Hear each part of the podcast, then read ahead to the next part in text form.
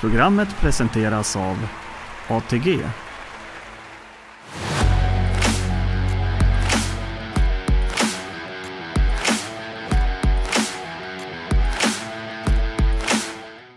Hej och hjärtligt välkomna till Hela potten, programmet som ska göra dig till en vinnare på Grand Slam 75.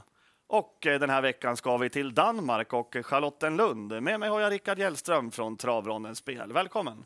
Tack så du ha. Hur ser du på söndagens omgång?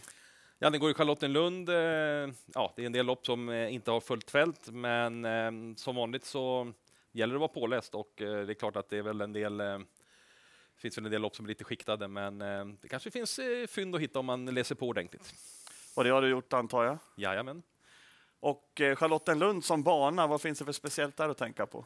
Ja, man kan ju nämna att ett varv på banan det är bara 950 meter i omkrets. Eh, däremot är upploppet 200 meter, ungefär som Solvallas upplopp. Då.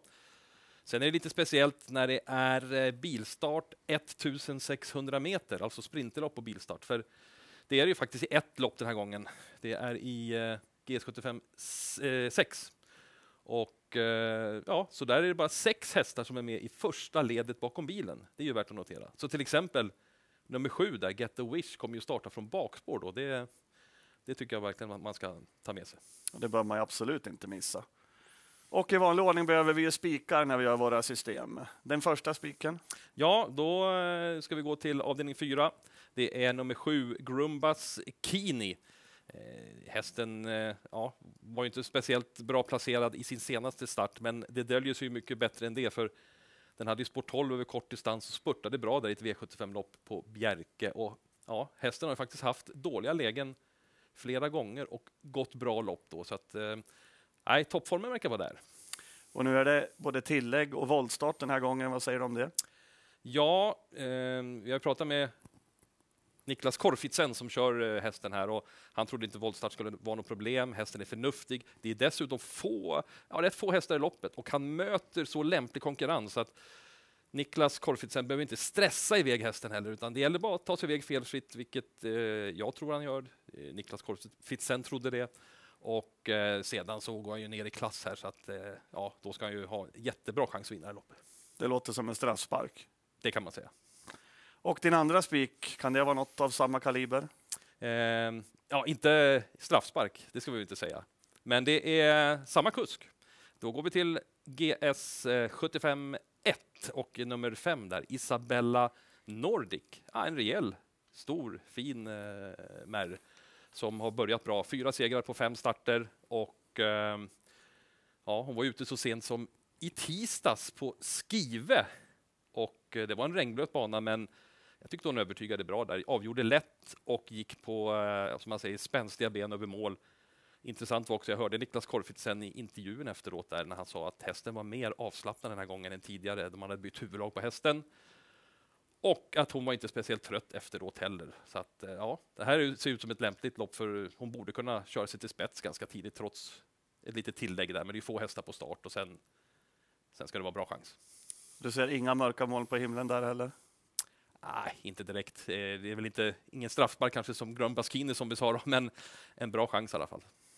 En straffspark och en bra chans. Det låter ändå som två bra spikar. Ja, vi får se det. Men för att bli riktigt rika på söndag, då behöver vi de här Grand Slam-hästarna. Har du hittat några sådana? Ja, vi kan ju gå först till eh, den sista avdelningen då, eh, Grand Slam 7, nummer 12, High Five.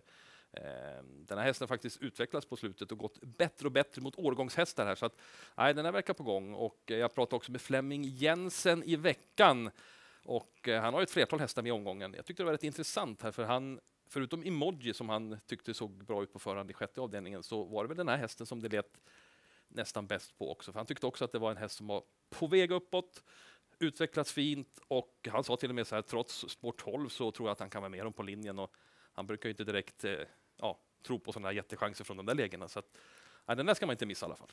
Det kan bli en sån här klassisk Flemming Jensen-sändning på bortre långsidan, tror du? Eh, det kan det bli. Eller så går han ner rygga lite, för det här är en eh, riktigt bra avslutare också.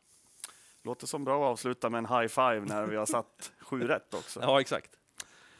Och eh, din andra Grand Slam-häst? Ja, då går vi till avdelning fem. Eh, här har vi en häst som jag tror kan gå under radarn den har nämligen en eh, väldigt dålig programrad. Det är nummer fem, eh, Harbo. Känner du till va? den hästen? Ja, hästen och det finns ju en öl som heter så också. Den är väl inte en av mina favoriter, men berätta Nej, mer nej, om hästen. Ja, precis. Nej, den eh, har ju mött årgångshoppen eh, i Danmark. Den var med i danska derbyt för fem starter sen. Gick sedan riktigt bra eh, gången efter där som, eh, fy, som eh, fyra då på, eller den gick 12 och 4 ska jag säga och avslutade riktigt bra den gången. Sen har det varit galopper på sistone och det är man ju inte riktigt nöjd med. Så nu återgår man till skor. Eh, tränaren Torben Hovgård, ja, han säger att hästen känns jättefin. Eh, ja, ja, helt enkelt att man tror på en bra insats här om hästen bara sköter sig. Intressant också att vi får Birger Jörgensen i vagnen och han ska köra hästen för första gången. Vad säger du om det? Vad säger du om Birger Jörgensen? Han är otroligt eh, vass, eh, i alla fall där i Danmark. Och, eh, nej, det låter som vi kan få ett fynd där till låg procent. Ja, exakt. Nej, det är väl Danmarks ja, ska man säga, mest meriterade kusk för tillfället. Han har ju vunnit kuskchampionatet i Danmark 14 av de 17 senaste åren. Inte dåligt och då tror jag det är dags att sammanfatta Rickards tips.